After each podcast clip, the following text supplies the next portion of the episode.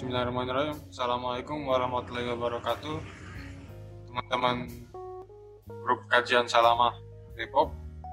Alhamdulillah ini kita uh, berjumpa lagi di sore ini agak agak cerah ya kemarin hujan sih mau menjelang maghrib ya.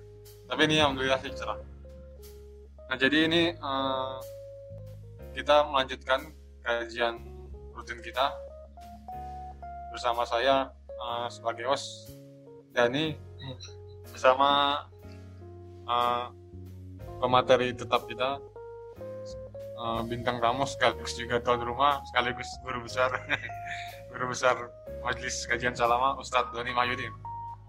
Ya, Assalamualaikum Ustadz, gimana? Kabarnya Ustadz sehat? Waalaikumsalam warahmatullahi wabarakatuh. Ya, Alhamdulillah uh, sehat pada hari ini uh, berkat doanya Mas Deni dan juga jamaah salaman sekalian. Mudah-mudahan Mas ya, Deni juga sehat ya. Katanya cerah ini, secerah sore hari ini.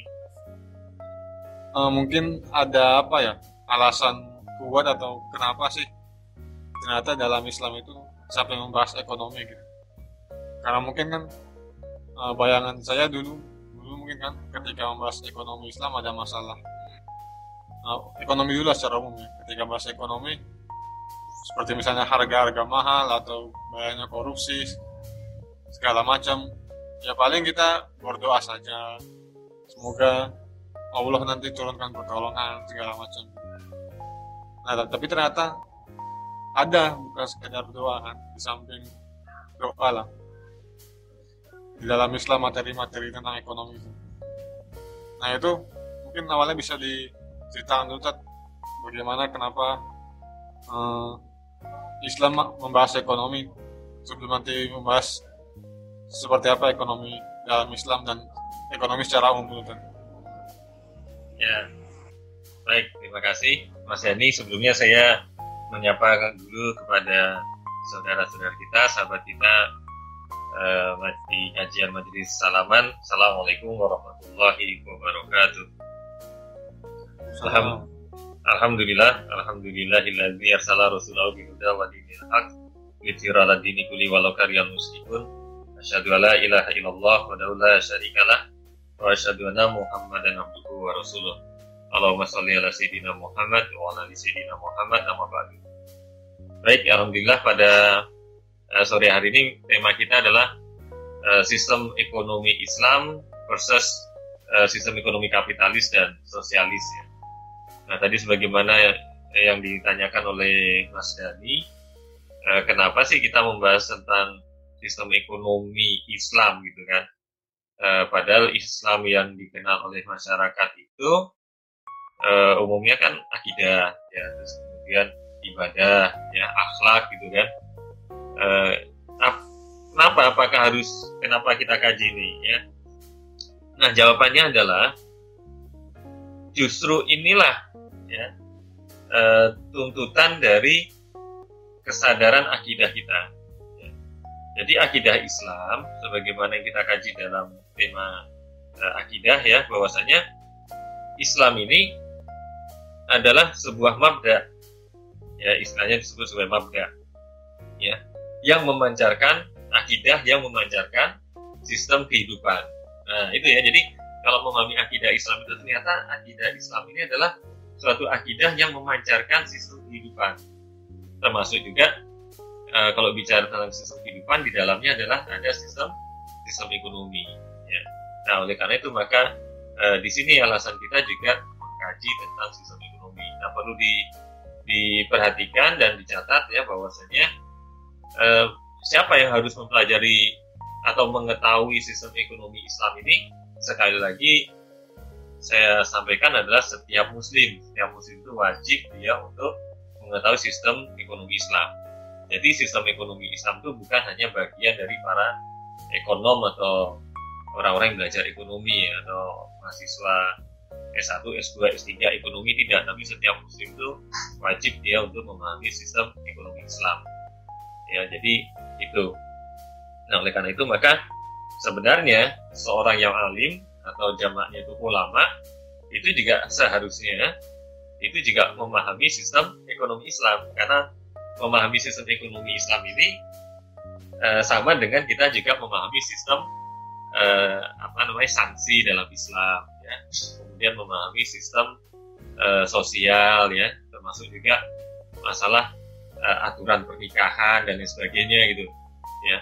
Jadi itu sudah jadi bagian ya dari dari Islam ya seperti itu Mas Ani oh Tat saya juga teringat Tat uh, kalau nggak salah ya ada kan ayat Al-Quran tuh wa nazalna alaina kitaba tibyana likulli Allah menurunkan Al-Quran ini untuk mengatur segala sesuatu.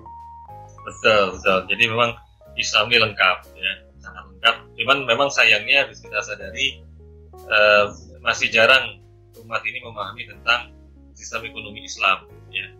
Ya paling mereka Islam yang dikaji itu sebatas kemudian yang dikenal sebagai uh, ekonomi syariah gitu kan. Ekonomi syariah dalam praktek-praktek misalnya bank syariah. Padahal yang kita harapkan adalah sistem umat ini memahami sistem ekonomi Islam yang mana sistem ekonomi Islam ini menjadi alternatif yang dapat uh, mengalahkan sistem ekonomi kapitalis ataupun sosialis yang memang sudah mendominasi di dunia ini. Nah ini harus umat Islam itu harus memiliki lompatan ya, harus melejit dalam hal uh, perkara ini. Mungkin bisa sedikit dijelaskan tentang, uh, tentang ekonomi kapitalisme itu uh, buktinya pertama-tama ekonomi kapitalisme itu apa dan buktinya emang hari ini yang diterapkan ekonomi kapitalisme bukan Islam. Ya baik jadi ini menarik ya. Menarik um, kajian kita ini terus kemudian nanti bisa disimak di uh, podcast Spotify.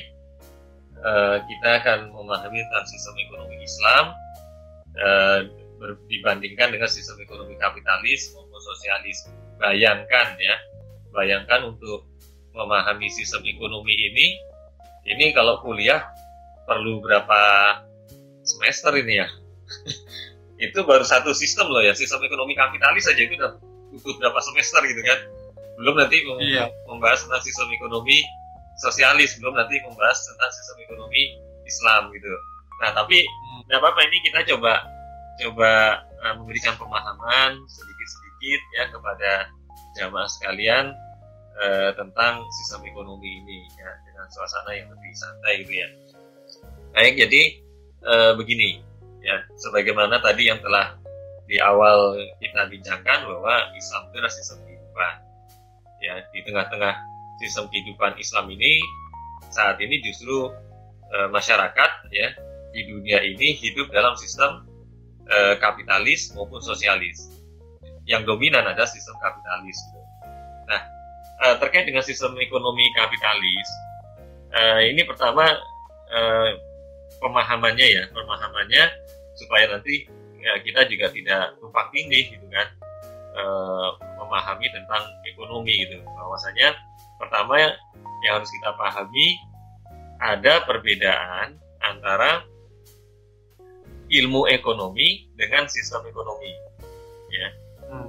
ilmu ekonomi dengan sistem ekonomi. Nah, kalau ilmu ekonomi, ilmu ekonomi itu sifatnya universal, ya, e, sifatnya universal. Ya, jadi tidak terpengaruh oleh e, suatu pandangan tertentu atau ideologi tertentu. Ya, jadi hmm. sama ya, sama. Kan ilmu ekonomi ini berkaitan dengan misalnya e, produksi, berkaitan dengan kualitas produksi, gitu ya. E, seperti hmm. contoh begini, contohnya uh, terkait dengan uh, apa kita misalnya melakukan transaksi apa melakukan kegiatan ekonomi uh, menjual air air mineral ya. Air mineral ya air mineral berbagai macam merek lah. Termasuk salah satu merek yang sekarang lagi viral di boykot kan gitu kan. Tapi ada merek-merek yang lain misalnya air air mineral gitu kan. Nah air mineral itu kalau kita mau jual ya uh, kemudian kita cari uh, barangnya ya misalnya uh, harganya mau kita jual 5000 kemudian kita cari harga barangnya itu ya. Kemudian kita dapatkan beberapa uh, distributor yang memberikan penawaran. Ada yang harganya 3.500 ada yang menawarkan 4.000 ya. Yang nantinya akan kita jual 5.000 nah kira-kira kita pilih yang mana? Kita pilih yang kalau lima ribu lebih banyak untungnya. Nah, lebih banyak untungnya yang kalau kita dapat barangnya harga tiga tiga ribu lima ratus kan iya enggak iya. Nah karena memang eh, tujuan dari kita melakukan eh, kegiatan seperti ini ya usaha atau bisnisnya adalah mencari keuntungan ya. Kimahnya adalah kimah materi ya. Ini terkait dengan ilmu ekonomi artinya eh, kapitalis sosialis maupun Islam ya ini nggak ada bedanya gitu ya. Dan memang tidak tidak tidak tidak bukan merupakan dibilang apa dipengaruhi ideologi tertentu enggak ya jadi memang itu biasa gitu. Ya namanya orang eh, dagang tentu nyari keuntungan yang besar gitu kan. Nah itu apa namanya itu ilmu ekonomi. Tapi beda kalau kemudian apakah boleh seseorang itu individu ya atau perusahaan itu menguasai sumber dari bahan air mineral tadi? Ya misalnya sungai dikuasai ya oleh suatu individu atau oleh suatu perusahaan nah ini baru masuknya adalah sistem sistem ekonomi kenapa karena sistem ekonomi ini uh, dipengaruhi oleh uh, satu pandangan tertentu atau ideologi tertentu. Ya, jadi kalau tadi ilmu ekonomi itu uh, sifatnya universal, ya tapi kalau sistem ekonomi ini sudah khas, ada apa namanya, ada pandangan tertentu gitu ya. Jadi kalau bicara tentang uh, sistem ekonomi, ini berkaitan dengan alokasi sumber kekayaan, ya alokasi sumber kekayaan. Jadi uh, sumber ekonomi itu bukan individu, tetapi adalah kekayaan dunia. Maksudnya uh, yang kita bahas di sini bukan soal hanya perkara-perkara individu, tapi juga bagaimana mengalokasikan sumber kekayaan yang ada di dunia. Ya, jadi ngurusin apa namanya sungai tadi, terus kemudian uh, barang tambang yang depositnya besar dan lain sebagainya gitu ya. Nah itulah pembahasan dari sistem ekonomi ya. Itu sebagai apa namanya sebagai sebagai pengantarnya. Jadi ada perbedaan antara ilmu ilmu ekonomi dengan sistem ekonomi. Ya, jadi memang kalau sistem ekonomi itu sudah dipengaruhi oleh sudut pandang ataupun ideologi tertentu. Nah, kalau ideologi atau kita bahas itu adalah dipengaruhi oleh akidah. Kok bisa saat dikatakan kapitalis atau sosialis itu akidah? Nggak bisa. Kenapa? Karena memang dia adalah sebuah pemikiran, ya, pemikiran yang mendasar memang ini tidak termasuk kategori uh, agama ya kapitalis atau sosialis tapi dia adalah sebagai sebuah keyakinan juga keyakinan akan siapa yang berhak membuat aturan dalam kehidupan di dunia ini nah, saya kira itu ya hmm. Ilmu ekonomi dan sistem ekonomi. Ya kalau itu berarti ini lebih ke teknis gitu ya kalau sistem filosofis gitu. Filosofis yang mirip seperti agama tapi semacam keyakinan tapi bukan sekadar diri ritual tapi pengaturannya yang di luar teknis keyakinan keyakinan gitu. Ya betul. Ya betul sekali itu. Nah sekarang mungkin kita bahas ya mulai uh, kita berikan gambaran sedikit dulu kepada sahabat-sahabat kita jamaah salaman uh, apa sih yang menjadi fondasi uh, ya fondasi dari sistem ekonomi uh, kapitalis ya. Nah, uh, jadi begini, bicara tentang sistem ekonomi, apakah itu Islam, uh, kapitalis maupun sosialis, uh, pasti dia membicarakan tentang dua hal.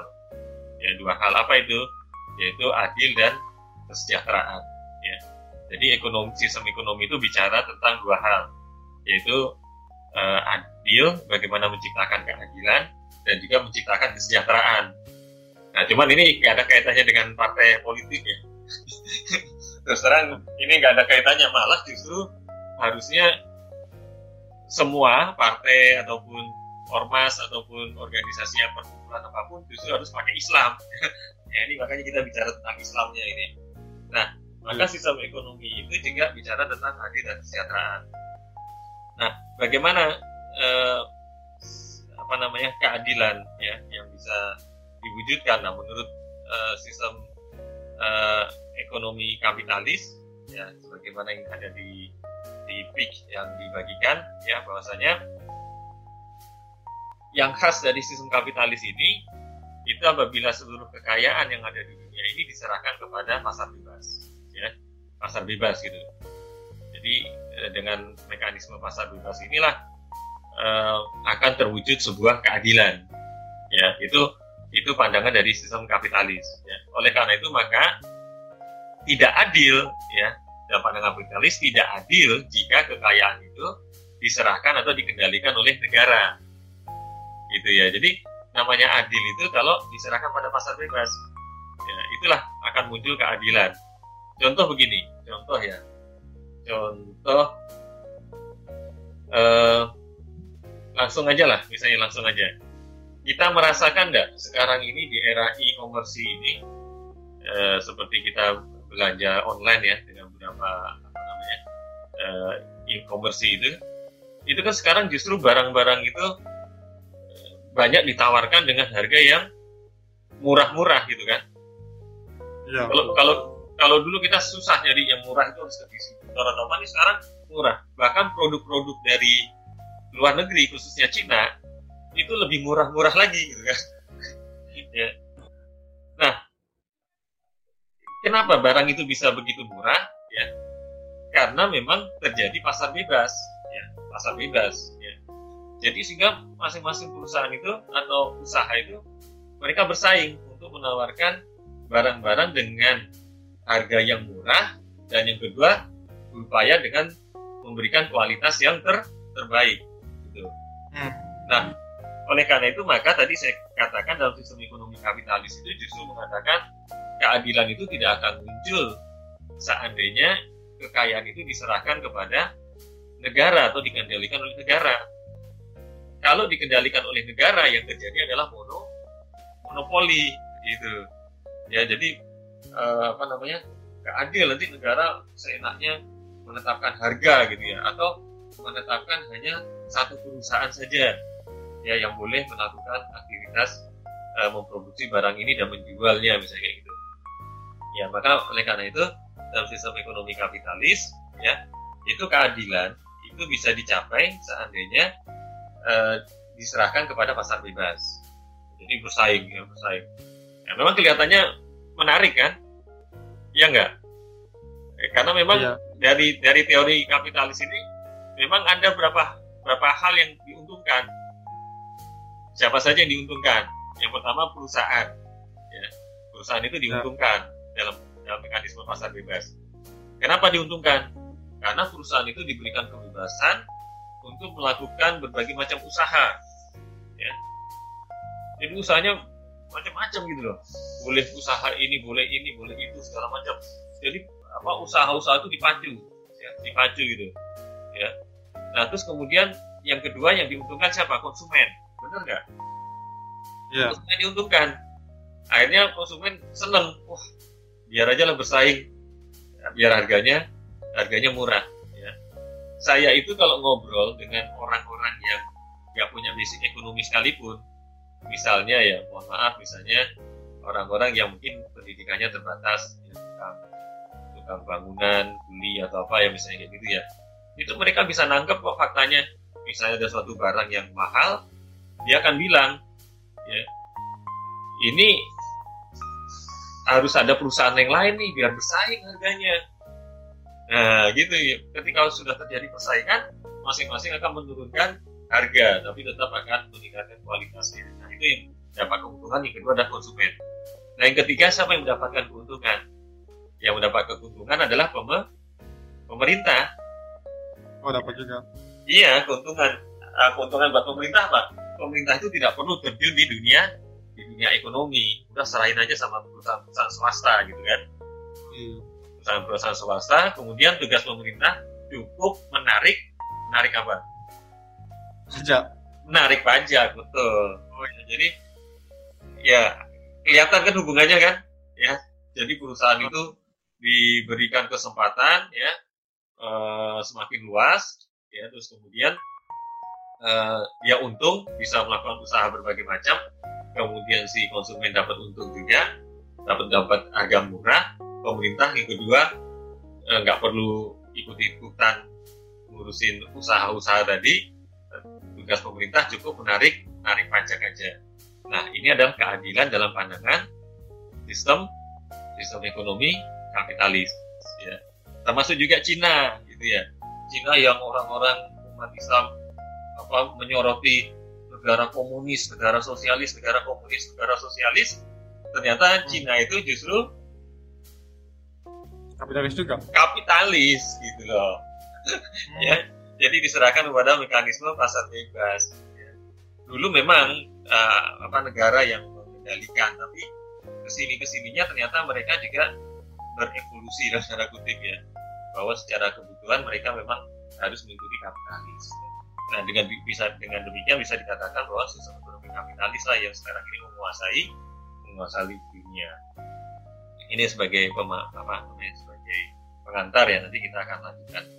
Lanjut. Silahkan Mas Dani ya berarti uh, sekilas sih kayaknya memang adil dan sejahtera ya dari penjelasan tadi ya. Soalnya kan semua untung pengusaha untung. Kalau misalnya kita jualan konsumen juga untung. Kalau kita jual beli pemerintah juga untung. Terus nggak butuh Islam dan atau bahayanya di mana gitu kapitalisme itu nah memang tiga pihak ini diuntungkan ya dengan mekanisme pasar bebas tadi ya. Atas kenapa kemudian kok bertentangan dengan Islam gitu kan nah nanti hmm. dalam pembahasan lanjut ya ternyata di sini juga dalam konsep kesejahteraan itu sistem ekonomi kapitalis ini tidak lepas daripada salah satunya dengan riba yaitu sebagai contoh hmm. ya tidak bisa lepas dari riba gitu kan Nah, ya. itu baru satu contoh saja. Ya, bagaimana hmm. sistem kapitalis ini memang ditopang dari riba. Ya. Dan yang kedua, kemudian tadi di awal kita sudah membahas ya, sistem ekonomi ini terkait dengan pengelolaan kekayaan. Ya. Nah, karena tadi dikatakan bahwa perusahaan itu diberikan eh, kebebasan untuk melakukan berbagai macam usaha, nah di situlah akhirnya sebenarnya muncul problem ya oh. problemnya itu adalah kemudian perusahaan ini menjadi seperti gurita ya uh, apa namanya uh, tangannya ada di mana-mana gitu kan. Keserakahan itu yang muncul gitu kan. Ya, keserakahan itu muncul gitu. Sehingga nggak uh, ada batas lagi apa yang tidak boleh mereka kuasai. Selama mereka punya modal selama mereka punya koneksi kepada penguasa, nah mereka akan melakukan berbagai macam usaha tadi, gitu. Ya, nah bisa kebayang kan? Ya jadi rakyat itu memang untung dapat barang, tapi rakyat bisa mengelola apa? Pertanyaannya kan begitu kan? Kalau semua kekayaan ini dikelola sama perusahaan-perusahaan, semakin perusahaannya eh, modal besar, semakin menguasai berbagai aspek. Jadi tadi saya sampaikan ini butuh semacam kuliah ini panjang ya. tapi sebagai pengantar awal di situ ya. jadi ternyata Islam juga luar biasa kalau kita terapkan Islam sebenarnya luar biasa karena sampai uh, kepeduliannya itu luar biasa dan bahkan kalau bicara adil keadilan akan diperoleh dari sistem Islam. Kapitalisme tadi kelihatannya memberikan keadilan tapi ternyata mereka juga tidak menciptakan keadilan.